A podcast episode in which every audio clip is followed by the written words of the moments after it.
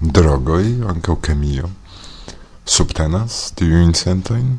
A, tion temon mi ne tuŝis, sed mi parolis iomete pri tre malbona influo de kontraŭ depresiloi, char nun multajn homoi prenas tiu medicamentoi kai ili eh, ĝuste influas eh, la malkreskon de dopamino kai fakte causas ke ni farigas iom pli indiferentaj. Do homo kiu dum jaroj prenas kontraŭ depresiloj havas multe malpli grandan eh, ŝancon enamiĝi. Estus bone scii tion. Kaj nikotino influas. Do pri kemio ni parolas, ĉu ne do bone? Eh, se temas pri nikotino, mi povas nur diri, ke ĝi certe povas malbone influi kisadon, kaj kisado estis ankaŭ parto de unu de, de, de, de miaj prelegoj jest tam mi raz buszaczon eh, lavi. Do... Eh, Sidas ci tie kelkaj esperantistoj ki auskultas tion. Estas iu demando? Mm, do mi estas Silvia. Mm, mi estis en ĉiuj eh, viaj prelegoi dum la jes kai en unu eh, mi audis interesan demandon. Ču amrilatoj, kiuj naskiĝas inter partoprenantoj dum kelktagaj renkontiĝoj, kiel jest ekzemple, evoluas same kiel rilatoj inter homoj, kiuj loĝas proksima kaj povas libere renkontiĝi. Ĉu ili havas ŝancon iĝi pli daŭraj ol momentaj? No, ciu amrilato havas sian komencon, do amrilato povas komenciĝi dum jes aŭ alia esperanto aranĝo tio ne estas limigita, sed komenci, kompreneble. Okazas tiuj mm, amrilatoj, pri kiu oni diras, ke oni rigardas unu la alian kaj tuj scias, ke estas tiu ĉi persono kai kelkfoje okazas ke ili vere pasas kune tutan vivon, sed ni diru ne estas tiom ofte. Do mi povas diri ke ciu rilato kiu komencigis dum jes povas farigi bela plena rilato sed ankaŭ povas okazi ke ne kaj same estas en ĉiuj aliaj cirkonstancoj. Dum eh, vie prelegoi mankis liberaj seĝoj, do homoi devigitaj estis sidi surplanke au sur la classo chambrae tabloi, char tiom granda estis la interesigio, do mm, ĉu vi pensis pri aliaj temoj, kiuj estos ankaŭ eh, tiel interesaj? Nu jes, ne ĝis la fino, sed aperis du interesaj temoj. Mm, do unu temo estis jam tuŝita dum jes, ĉar okazis prelego pri pluramemo eh, kaj eh, mm, kiel ĝi povas esti priskribita kun uzo de matematiko. Mi bedaŭrinde ne partoprenis tiun prelegon, sed mi scias, ke ĉe la fino okazis interesa diskutrondo pri tiu ĉi temo.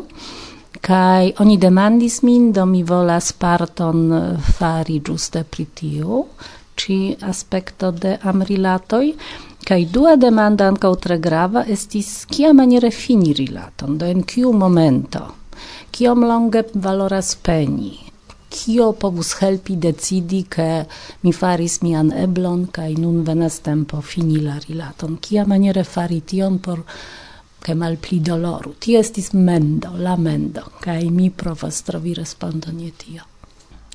Tre placis al mi kaj mi pensas ke tio vere menciindas ke atelieroi eh, pri amo estis bele ornamitai de ĵele Oh, yes, fakte, ti estis tre bela realigo de la ideo de ire, che dum jes oni kunigu la diversain creantoi. Uh, Do ciam ce comenzo, cae ce la fino prelego, žele cantis unu de siei am cantoi, au cantoi pri amo, cae ni ciam electis uh, ilin porce ili congru kun la temo de prelego estis tre tre charme cae mi cun plezuro plu faros tiel, kaj ankaŭ ĉe la lasta parto mi havis grandan plezuron apliki, se mi povas uzi tiun vorton, eh, belan eh, poemon de Jorge Camacho, kiun li rajtigis al mi uzi. Ĉiukaze tie estas komparo de amo kun akvo, kaj ĝi devas flui kiel kun canto de Alejandro Cosabela, Aquo kaj Oleo. Esas tiu canto tre bona. Coran dankon, dankan, ni povus compreneble paroli pri amrilatoj, pri amo, kelkaj nelsendo in nur kelkaj minutoj. Dankon, kai se vi aŭskultantoj havus iujn demandojn, estas ŝanco ĉiam demandi kaj poste ni povas renkontiĝi kaj babili pri la temo, eble aperos angulo de danka kiu scias ĉio dependas de vi. Koran dankon pro tiu renkontiĝo ĉarma sen vino bedaŭrinde. dankon. Dankon.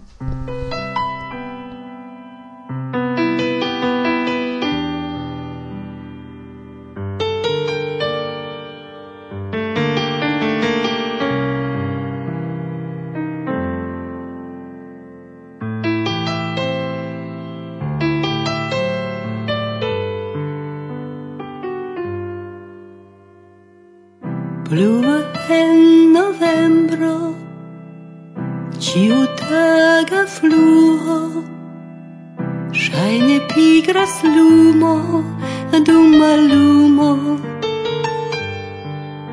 Kai blovas vento ĉapelon tiras. Kai pelas for mi kaptas gin en lasta momento. Pluvo en novembro ciutaga bruo vidu sur la arboi beroj ruchas sed vi nur fuchas sen la cel. De pluvo fuchas ale hela varma hei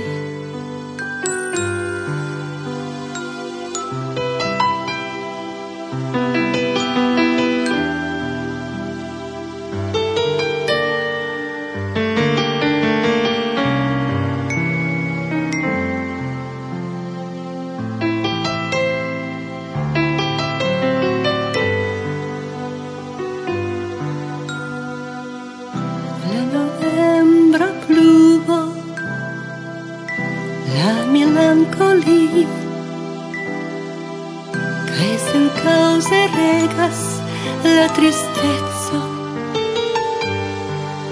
che pensas mi che finicias nenia autuna bellezza finicios nenia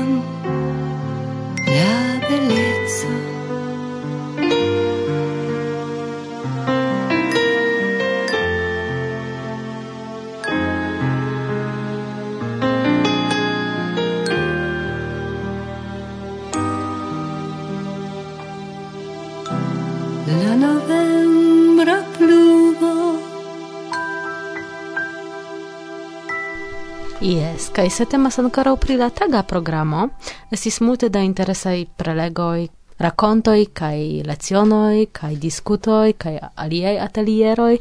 Do koran dankon al la partoprenantoj de la jes kiu portis multe da proponoj fakte kaj prikolorigis la aranĝon. Fakte ĉi povistrovi ion interesan por si mem.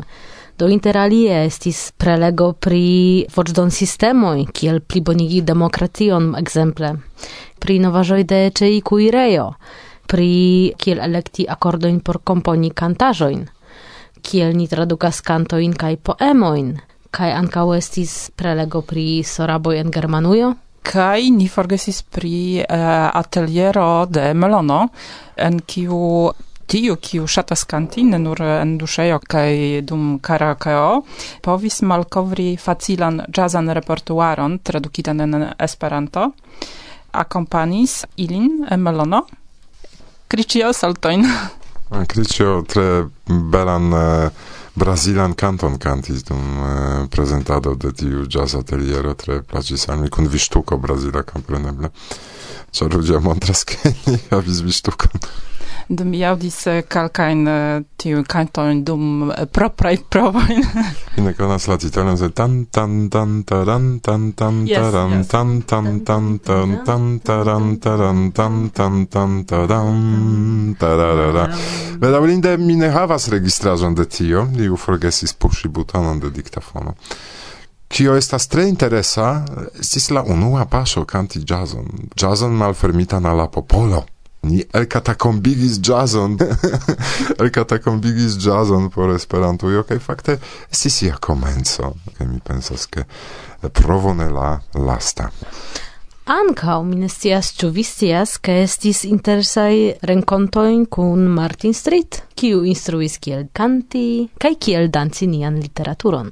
Kaj Stella instruis eh, pri kiel organizi bonan aranĝon kaj poste si faris gravan laboron por la organiza temo, kolektis laudoin kaj plendoi, Do ni estis tiel okupitaj pri la fluo de la organizaj aferoj kaj nia teamo estis tro modesta, estis malmulte da homo, ci ĉiujare organizis la jeson, set tamen Stella okupiĝis pri tio kaj dankon Stella, ke vi kolektis laudoin, kaj plendoin, Gioias che ne estis nur plendoi, Anca estis multe da laudoi.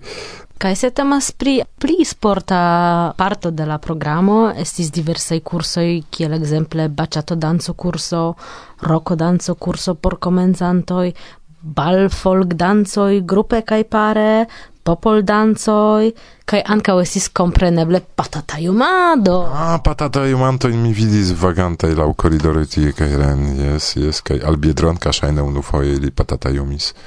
Danka eh, menciis ion pri matematiko de pluramemo? Matematiko en eh, eh, am rilatoj kaj pluramemo. Pri kio temis? Do Jana rakontis pri matematikaj priskriboj de la mondo, ki ŝajnas al multaj homoj sekaj kaj neinteresajn.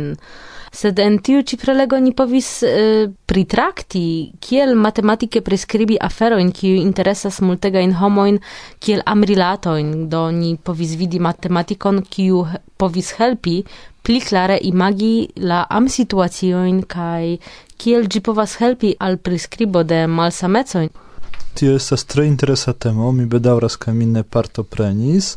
Ĉar matematiko estas lingvo de scienco, do ankaŭ amrilatoj povas priskribi per tio. Eins, fein, eins, fein. Revenanta alla temo, Estis ankaŭ interesa rakonto, kiel aspektas Ĉernobilo post pli ol dudek jaroj post la katastrofo, kaj ekzemple oni povis ekscii kiel teleskopoj konfirmis sciencfikcion. Kaj inter tiu ĉiu vespere ĝis nokto fino okazadis koncertoj kaj ne mankis bravaj muzikistoj, komencigis de Kimo. Multe de cascitai talentoi aperis tiam. Yes, dankon al Kimo, dankon Kimo, dankon Kimo.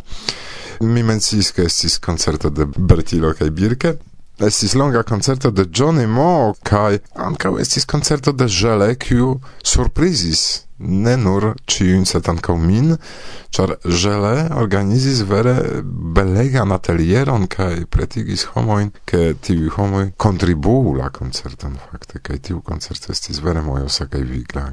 Dankon Lena, dankon Żenia pro via engagigio en la ideon de la programo kaj ne nur concerto, kaj vi faris tion perfekte. Mi audis ke ankaŭ Kubov prezentis pri Wikipedio, pardonu ke mi ne povis helpi, Bedaure. sed mi esperas, ke mi havos okazon. To ni ne partoprenis tion, kiel ni diris komence, ni ne havis multan tempon. Kaj ankaŭ krome estis alia maniero por malkovri la urbon, ĉar Miro Piro organizis geokaŝadon do tio estis interesa ankaŭ por eh, vagadi, kuri tra la urbo kaj trovi diversajn kaŝitajn aferojn. Kaj krome estis eh, jarkunveno de Germana Esperanto-junularo. Angulo de teo, kiu sin prezentis. Dume ankaŭ okazis la aik trejnado. Amikumu sin prezentis tute te amo, ĉu ne? Jes kompreneble tio estis fakte la unua fojo, kiam ili okazigis tiun eh, renkontiĝon, ĉu ne? Kaj ni ne forgesu pri Bemi, kiu venis per bicikle al eso. 700 kilometroj, jes. malgrau ke estis malvarme, li kun hundo. Waf, waf, waf, waf, waf. Gini multe filmis, mm, la aldona filmeto en la fenestro, estas fare de sci, eh, set eh, eble pri si sci mem rakontu.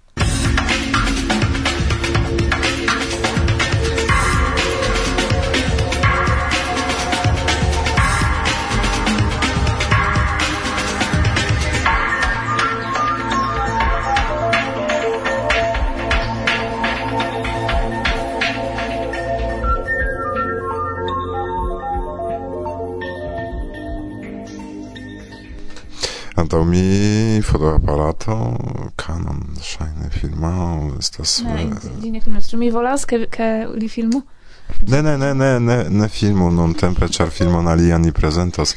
Do kaj mi estas Gini, kaj mi havas kameraon ĉiam. Se vi volas eh, esti kun mi, vi eh, devos esti preparita, ke mi registras ĉion. Jes bone, sed se ni registas, ni ne povas uh, fakte koncentriĝi mm. pri tio, kion ni faras. Saluton! No? Ah, no, saluton al, ne al aŭskultantoj, sed al kamerao estis mhm. nuntempe.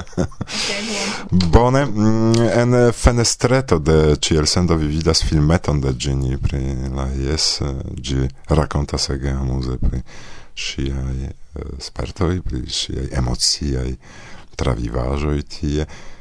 Kiel placis al vi dum jes? Ĉu vi estis feliĉa? La loko estis tre bona. E, mi tre ŝatis la homoj, kompreneble, la homojn. Ĉio placis al mi, e, ke mi havis multe por sperti, por e, vidi, por renkontiĝi. la manĝaĵo estis bona, homoj plendis pri la manĝaĵo. Yes, yes, mi volis diri tion, sed mi ne volis eh, diri tion. mi komprenas, pro gentileco, kompreneble. Eh, por mi ne estis grava manĝaĵo, ĉar mi venas al tiu ĉi aranĝoj por renkontiĝi kun homoj, ne manĝi, mm -hmm. ĉu ne?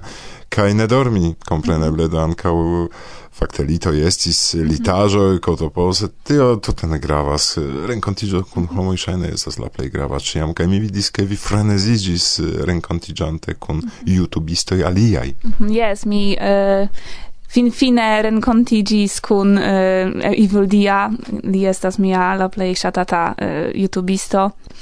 Mi fakte tre ŝatis la koncertojn kaj mi ŝatis prelegojn. Kiujn prelegojn vi plej bone memoras? Mi vidis la prelegon de eh, Danka pri la amo. Mm. Tio estis tre interesa kaj tre... Fakte mi, mi neniam uh, sciis, ke iu homo povas diri pri la amo kiel la scienco, do tio estas bonega. Yes. Do mi ankaŭ fakte vidis eh, la prelego de unu homo, mi ne scias lian nomon, sed... Y, li parolis pri la lingvo kaj la signoj kiuj homoj povas fari kun manoj tio tre interesis min mi vidis la amikumu teamon kaj mi kompreneble havis mian eh, propran prelegon Ah, yes, yes, vi estis en... Par, pardonu, ke mi ne partoprenis gin, mm -hmm. sed Eh, vi audis che Nietzsche estis ne partoprenis, to estas eta diferenco, che mm -hmm. ciuni estas en unu loco, sed ne samon faras, mm -hmm. Ne? Kaj pri kio estis tiu prelego? Oh, mia prelego estis pri YouTube, char mi estas YouTubistino, kai mi volis fakte paroli iomete pri kiel fari filmetoin, kaj kiel Esperanto kai YouTube povas esti kune, kai kiel YouTube helpas al Esperanto atingi homoin kio signifas la vorto youtubisto youtubistino do eble vi klarigu pri kio temas. Mm -hmm. pri kio okupiĝas youtubistino bela cetere. Dankon. Do youtubistino okupiĝas pri fari filmetojn kaj en la filmetoj ni parolas pri diversaj aferoj fakte. Ni parolas pri nia vivo, pri miaj aferoj en mia ĉambro, kompreneble. Kaj nun mi havis okazon paroli pri jes, kiu estas ankaŭ tre interesa okazaĵo kaj la homoj kiuj ne povis partopreni. Eh, havas okazon eh, vidi la la filmeton kiun mi faris. Kaj tio estas mia rakonto pri la sperto, ne nur filmetoj. Do aldonita al la elsendo estas uh, filmeto de Gini pri la jes spektu Gini estas en la pola lingvo se tamen havas subscriboin en la pola lingvo ankaŭ cele speciale ĉar temas pri popularigado de Esperanto. Tio estas formo de video podcasto kie vi rakontas priskribas ĉiutagaj aferoj, priskribas realecon do pri tio temas jutubistoj, jutubistinoj. Mm. Eh, generale pri la jes kial vi venis al tiu ĉi aranĝo? Mi volis travivi ion novan, do mi interesiĝis pri Esperanto antaŭ du jaroj kaj mi volis kontroli inter homoj. Ĉu mi povas paroli Esperanton? Kaj mi estis tre surprizita, ke mi povis paroli kaj doni prelegon en Esperanto post du jaroj de mia lernado. Do tio estis granda sukceso kaj tio estis kion mi volis kontroli, kiam mi fakte iris alies kai compreneble nun mi havas multe da amikoj char ili tre ŝatis mian um, prelegon. Ĝuste kio okazis dum la prelego pri kio vi parolis? Mi parolis pri kiel YouTube povas helpi al Esperanto. Kio okazis vi povas vidi en la filmeto fakte. Ĉar mi uh, diris uh, cion, kion mi spertis. Tre Gini, mm, ni prezentas eh, vian eh, filmeton. Ĉu vi deziras saluti homojn, danki al ili? Mm, ni, als, ni salutas ciuin homoin. Vidu la filmetojn farite de ni, char ni estas la voco kaj la oculoi de eh, Esperanta mondo kaj ni allogas aliai homoi al nia mondo.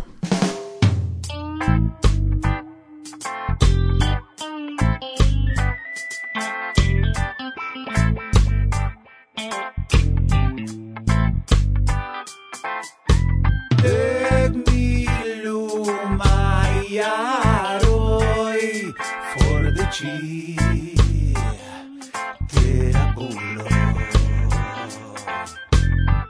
vi subite vecchiggia sul malgranda planedo. Trisuno e brilla sur la ciel. Neniu vin conas neniu vin amas laute boias vi via verda hon Ci diras kion mi faras ci tie? Tion for de mia heim Qui estas miai carai che amicoi Qui estas vi? Qui estas mi?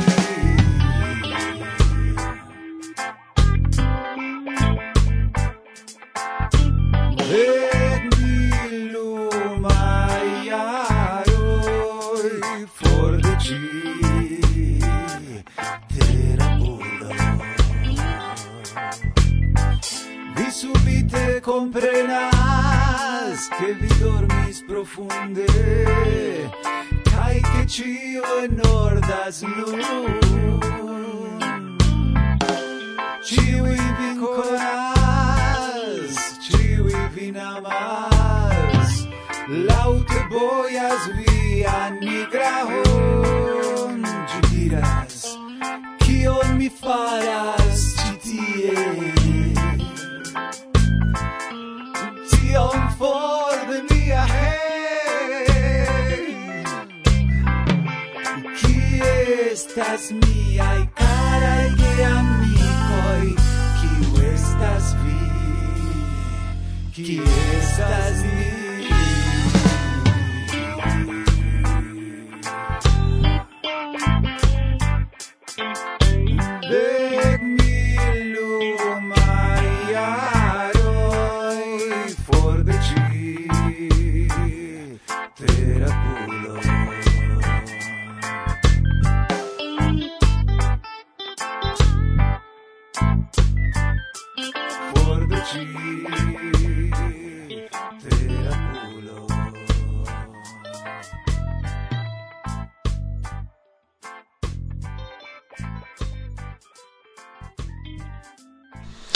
Alejandro Cosabella bedaŭrinde ne partoprenis la jeson, tamen eh, dume sendis du novregistritajn eh, pecojn kaj unu el ili tute premiere.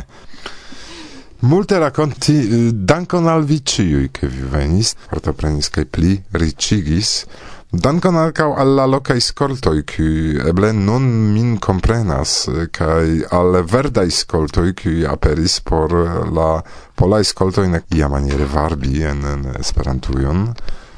Kaj al ĉiuj tiuj dankoj necesas alĵeti dankojn al la lokaj esperantistoj, speciale al Kari kaj Mieszko, al Benia, al Andrzej, kiuj gvidis homojn, al Irenka, kiu prezentis la Szczecinan.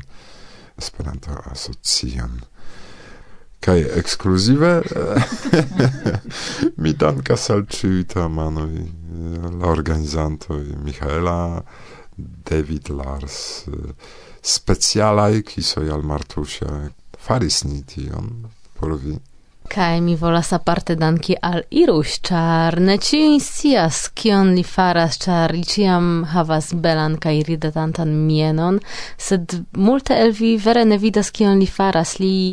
Ne gravas, do estas same kiel la mm, podcasta retejo, vi ne vere vidas, ke ni dum tri semajnoj laboras ciu tage po iomete. Kai ne temas pri la glatren kontiĝoj. ne kai specialai dankoj al miaj du gravaj amikoj veraj, al Nuno el Portugalio kai Enrico el Padovo Italio, ciam ili scias, ciam helpi. Koran dankon al vi. Mm, la unua elsendo en tiu ci jaro, ne la lasta, baldau estos ancau raporta elsendo, sed atendu iomete. La cent dudek sepa kaj el provizora studio de Varsovia Vento. Adia az vin, viai... kial inverse de vi? la plej bela komencas. Sylwia. Agnieszka. Marek kai mi. Gis. La. baldava Reaudo. Necesas aldoni. Bla, bla, bla. Ni estas fortaj esperantistoj en la tuta mondo. Jes ja. Ĉu vi pretas? Ni esperantaj frenezuloj, ĉiam havas bonan amikon. Mi zorgas pri vi, parolas kun vi, komune testa sforza e se vi sentas vintre sola al parolu esperantisto como i sciacciat e si cuna kunaj comune ni estas fortaj se la laborado ĝenas vin ĵetegu la aferojn for. Tiru pip al via ĉefulĉar estas sensenca labor se conato dormigas vin per racconto e noiga tiro Kaj tio noi via vivo ne sentinas Kaj ni esperantaj frenezuloj Ciam havas bonan amiko Mi zorgas pri vi, parolas kun vi. Komune ni estas fortaj Se vi sentas vin tre sola Al parolu esperantiston Homoj ŝatas esti kunaj Komune ni estas fortaj Se mensogas via prezidanto Ne nur plendu pri li al tiu agat voĉtonu por alia parti. Se taga programo aĉas laŭ vi kaj la manĝo ne taŭgas por ventro Ne plendu sed helpu organizi la venontan eventon. Ĉar ni esperantoj frenezuloj ĉiam havas bonan amikon Mi zorgas pri vi, parolas kun vi Komune ni estas fortaj Se mi sentas vin tre sola chap chap esti kunaj komude ni estas for se ŝuojn aĉetas la kora mikino kaj vi devas pagi nu trankviliĝu kaj atendu miraĵon en la la la lito. Se via kora amiko trompas je vi. Kia stultulo li estas Diru pip ankaŭ alai kai memoru. Johnny Mo ĉiam pretas Ni esperantaj frenezulon ĉiam havas bonan amikon vi zorgas pri vi Parolas kun vi komune ni estas Se vi sentas vin tre sola Al parolu esperantiston homoj ŝatas Esti kunaj komune ni estos Yes, amikoi fortaj Ĉio homaj en la tuta ĉambro Komune ni estas fortaj Ankaŭ la malantaŭo ni vidas vin. Komune ni estas fortaj Jes amikoj kaj en la fino nun mi. Komune ni estas fortaj Jes amikoj. Varsovia vento. Bla bla bla. Bla.